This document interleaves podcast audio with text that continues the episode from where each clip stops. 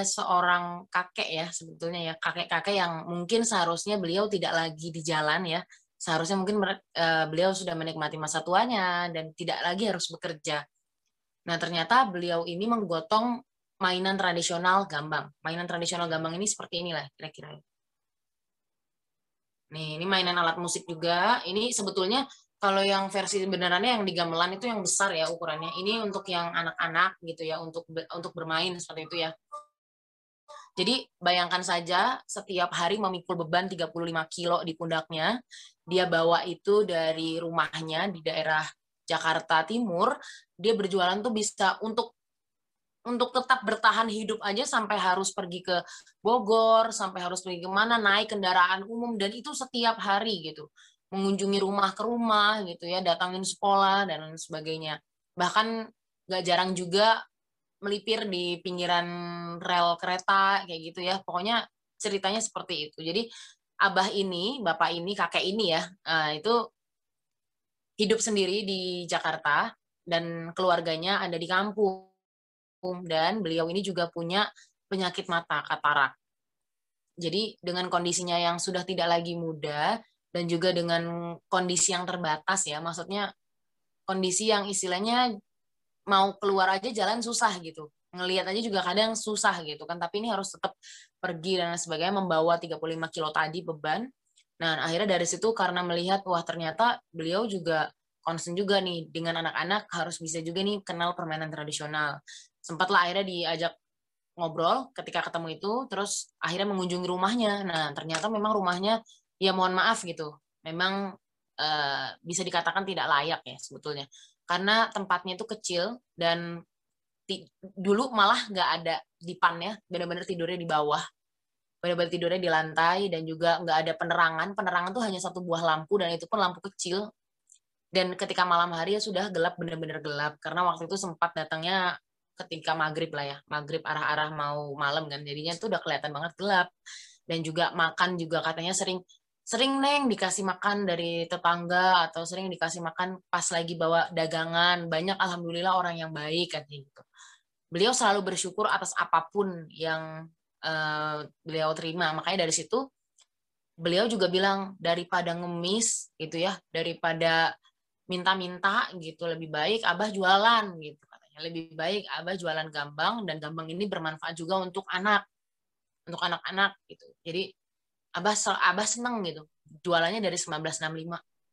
Wah, gile. Berarti mungkin udah sekitar 60, iya 65 hampir 70 sih ya. Iya, usianya hmm. juga sudah tidak lagi ini kan, mungkin 70 80 tahun gitu. Yang sudah hmm.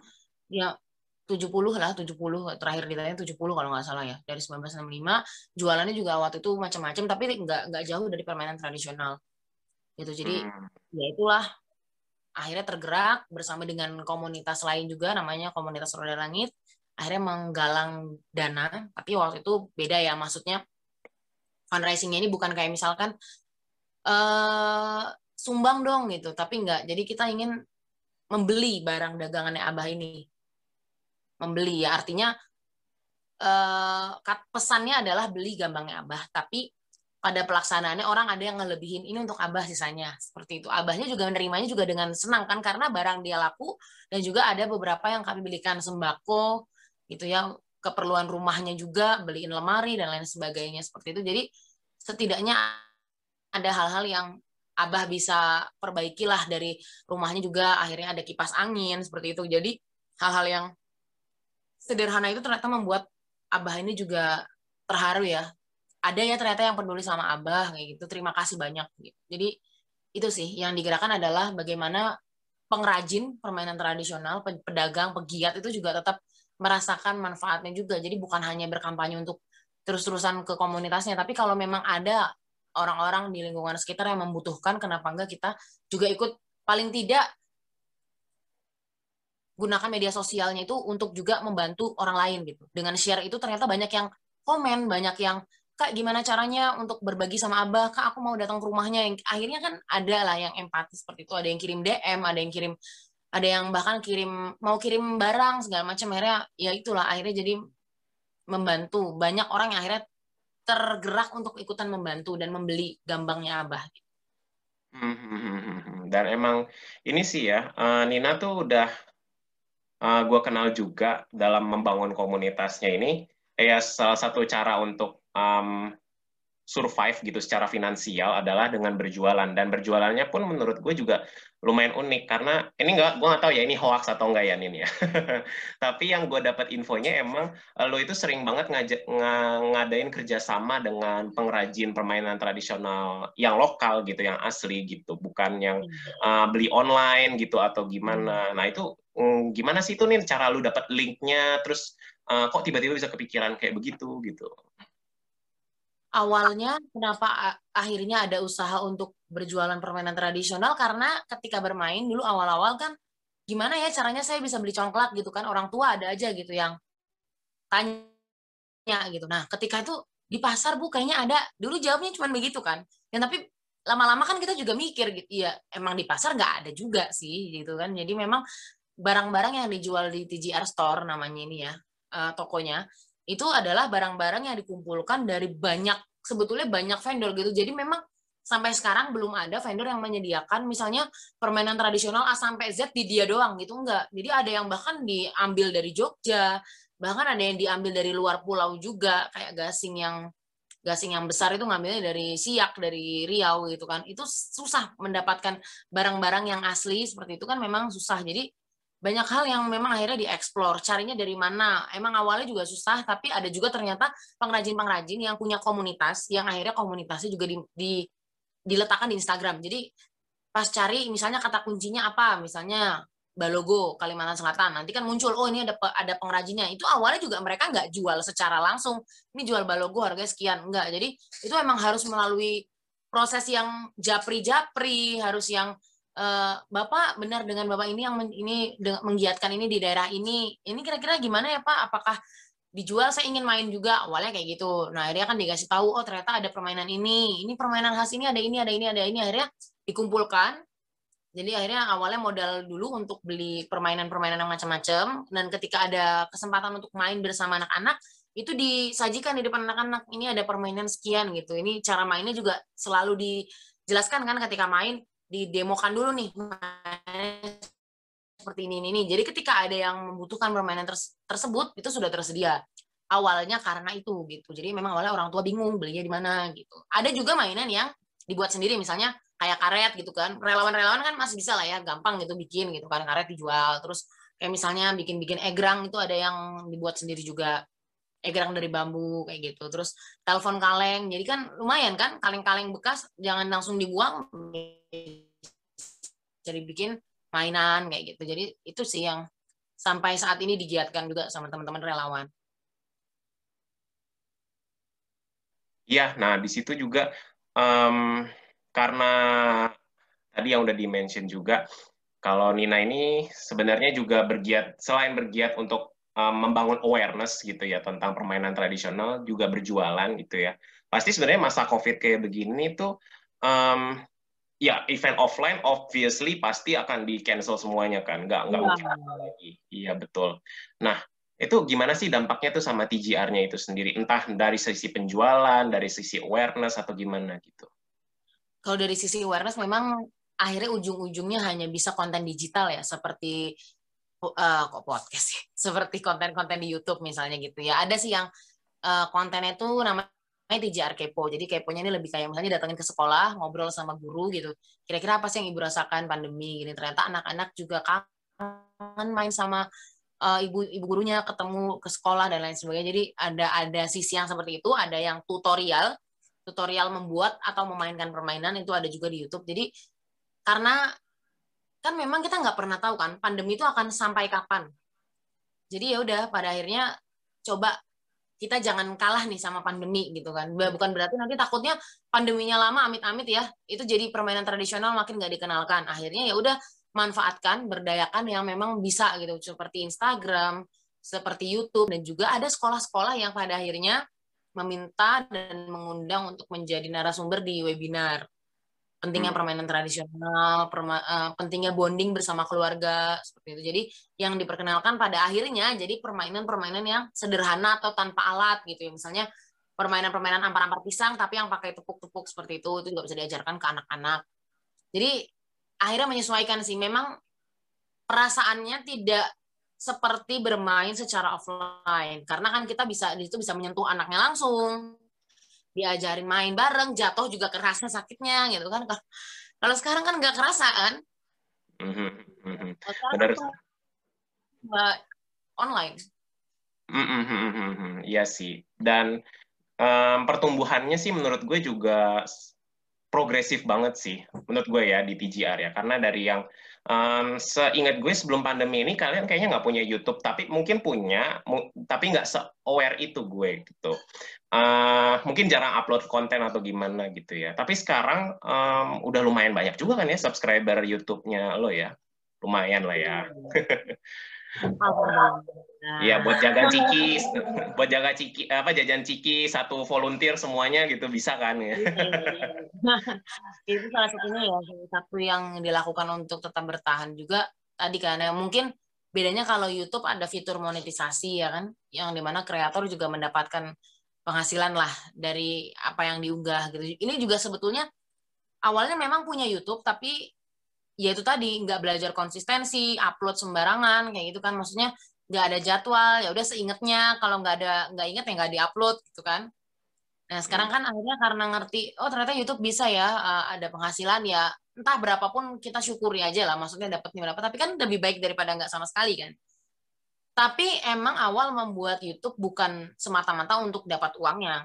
Kalau ngejar uang di YouTube kami ini siapa sih gitu kan. Istilahnya masih ribuan follow uh, ribuan subscriber itu kan jauh lah dibandingin yang kreator yang udah jutaan yang udah segala macam. Tapi kan rasa-rasanya kalau ada yang komen terima kasih ya saya jadi ada ide untuk mengajarkan anak saya bermain di rumah itu udah luar biasa bahagia sekali tentunya. Akhirnya akhirnya membuat YouTube konten setiap uh, saat ini seminggu sekali seminggu sekali ada ada konten baru di YouTube Oke lah, oke oke. Dan um, ya bisa dibilang emang secara walaupun um, bisa dibilang secara ya awareness-nya udah bisa membaik gitu ya dan um, walaupun event offline-nya udah di cancel semua dan masih bisa survive di YouTube boleh nggak mungkin lu uh, sharing sedikit gitu ya uh, sebagai pesan-pesan terakhir gitu ya? Kira-kira nih menurut lu sendiri sebagai uh, founder TGR gitu ya 2020 itu apa sih gitu, dalam satu kata aja 2020 itu tantangan. Wis. Kenapa nih? Kenapa nih? Ya tantangan ya gimana yang awalnya ya sebetulnya di 2020 itu TGR sedang menikmati bahagianya diundang sana sini lah gitu kan. hmm, ya ya ya ya. ya. Uh, tempat bermainnya bukan hanya tadi ya Petra ya tadi mungkin yang sempat disebutkan tapi di 2020 tuh udah mulai masuk ke pameran bahkan hampir mengisi di Inakraf gagal gara-gara pandemi. hmm. Terus juga juga main juga bukan hanya cuma di taman, tapi main udah sempat main ke mall, main ke kafe gitu ya. Bahkan teman-teman yang sebelumnya tidak dipikirkan ternyata bisa jadi wadah untuk sosialisasi permainan tradisional. Sebetulnya di 2020 itu juga sempat satu dua agenda tuh pernah terlaksana gitu kan, bahkan mengisi di kegiatan-kegiatan uh, seminar, workshop gitu ya. Itu sebelumnya sudah sebahagia itu dan merasakan wah kita lagi aktif gitu. Dan alhamdulillah orang percaya sama ada ada TJR gitu kan. Mau mengundang gitu kan. Tapi 2020 datanglah tantangan besar yang mengharuskan tagline-nya kan lupakan gadgetmu ayo main di luar kan. Kalau sekarang kan nggak bisa kan main di luar. Ayo main di luar kamar paling di ruang tamu kan. Nggak bisa main di luar gitu. Ah, bahkan permainan tradisional kan sebetulnya identik dengan kebersamaan yang yang seharusnya kita bisa bergandengan tangan yang seharusnya kita misalnya main main gobak sodor kita bisa menyentuh lawannya kayak gitu. Sekarang kan mana bisa kan? Terus misalnya jatuh kadang nubruk temennya gitu. itu loh hal-hal sederhana yang kayak gitu akhirnya nggak bisa dilakukan. Bahkan tempat-tempat bermain pun ditutup. Sekolah ditutup. Bayangkan sampai sekolah saja harus ditutup. Seberapa bahayanya kan pandemi ini jadinya maksudnya yang tadinya merasakan kita udah bahagia main di luar tiba-tiba harus di harus menerima kenyataan yang seperti ini. Ditambah tantangannya adalah bagaimana mengonversikan kegiatan yang tadinya offline menjadi online. Dan bagaimana kegiatan yang yang sebetulnya kan kalau online orang susah. Kalau hanya nonton kalau misalnya pembawaannya nggak menarik kan orang juga nggak akan nonton sampai akhir. Itu juga challenge kan gimana caranya tetap bisa menghibur mengedukasi tapi tetap menyenangkan untuk ditonton di rumah gitu. Itu, itu challenge banget. Jadi mungkin ada yang apa ya mungkin ada yang akhirnya tertinggal gitu kan. Akhirnya harus belajar lagi harus cari tahu lagi gimana caranya meningkatkan awareness orang gimana sampai orang mau klik permainan tradisional gitu kan. Itu memang proses yang panjang ya tapi ada hikmahnya lah ya. Jadi hikmah pandemi pada akhirnya tantangan itu sedikit demi sedikit mulai terjawab meskipun belum semua. Tapi kan setidaknya sudah ada upaya yang dilakukan untuk menghadapi pandemi gitu. Hmm, oke oke oke. Ya ya ya ya ya. Karena emang pada akhirnya buat kita semua sih ini emang tantangan gitu ya. Um, menghadapi ini semua. Bukan cuma komunitas gitu. Bahkan orang secara personal pemerintah semuanya pun pasti juga lagi bergumul banget dalam menyelesaikan pandemi ini. Dan emang uh, kita semua pasti berharap lah ya supaya pandemi ini cepat berlalu dan um, semua kembali seperti semula. Dan Nina dan uh, komunitas TGR-nya bisa main bareng lagi sama teman-teman yang lain sama anak-anak gitu ya. Dan iya sih seru lah, seru-seru sebenarnya dalam mengikuti kegiatan TGR ini. Dan gue pun juga sebenarnya sempat beberapa kali jadi volunteer gitu ya untuk komunitas TGR ini. Dan benar teman-teman seru banget untuk bisa main sama teman-teman dan anak-anak di luar sana gitu. Dan memperkenalkan gitu, karena emang benar sih ada beberapa anak-anak yang bahkan nggak tahu gitu, ini permainan apa, makanan macam apa ini gitu. Iya, iya, iya, iya. Dan kira-kira nih, nih um, mungkin dalam beberapa minggu atau bulan ke depan ada rencana apa aja sih uh, dalam agendanya TGR? Siapa tahu ada teman-teman yang mungkin ikut berminat buat ikutan atau join gitu.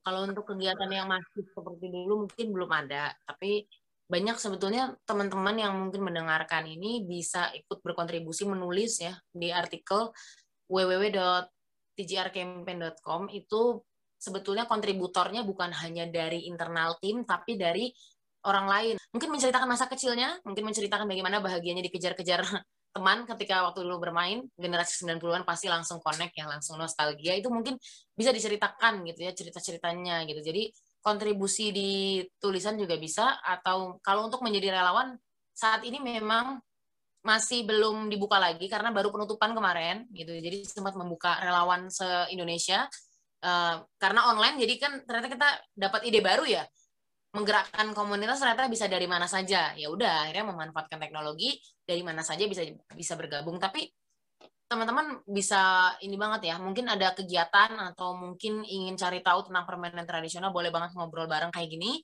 Atau mau kolaborasi YouTube dengan TGR juga sangat boleh tentunya ya. Pokoknya apa pun itu kolaborasikan dengan TGR selama ini kita ingin mengangkat budaya Indonesia, selama niat kita juga ingin mendukung hak anak untuk bermain pasti selalu welcome untuk ke depan itu dan doakan saja sedang proses untuk legalitas untuk mendaftarkan menjadi yayasan. Jadi wow. ada naik dari komunitas okay. dari kampanye komunitas ke yayasan gitu. Hmm, ya ya ya, amin deh, amin. Semoga ya benar-benar bisa terwujud. Asal teman-teman boleh ikutan untuk join dengan komunitasnya ini, asal jangan nanya aja per bulannya dapat berapa. Ingat ya catatannya oh. itu gitu. semoga suatu hari mereka yang sudah berkontribusi luar biasa di Tijar ini bisa jadi pekerja gitu di di di sini gitu loh. Siapa hmm. tahu karena nggak ada yang tahu rezekinya gimana. Gitu. Yeah, Siapa yeah, tahu yeah, ada yeah. di sana membuat gerakan yang memang akhirnya bisa menjadi sumber kehidupan untuk relawan-relawan. Mantap, mantap, mantap. Oke okay lah, um, thank you banget nih udah boleh ngobrol-ngobrol dan ya yeah, hope for the best for your community pastinya gitu ya. Dan um, ini aja cerita kita dari episode pertama ini dari Ahnina Wadini. Terima kasih udah nyimak sejauh ini dan kami harapkan ya kita bisa ketemu lagi di konten-konten selanjutnya. Saya Samuel Wangsa dan ini Ahnina Wadini pamit undur diri. Terima kasih semuanya.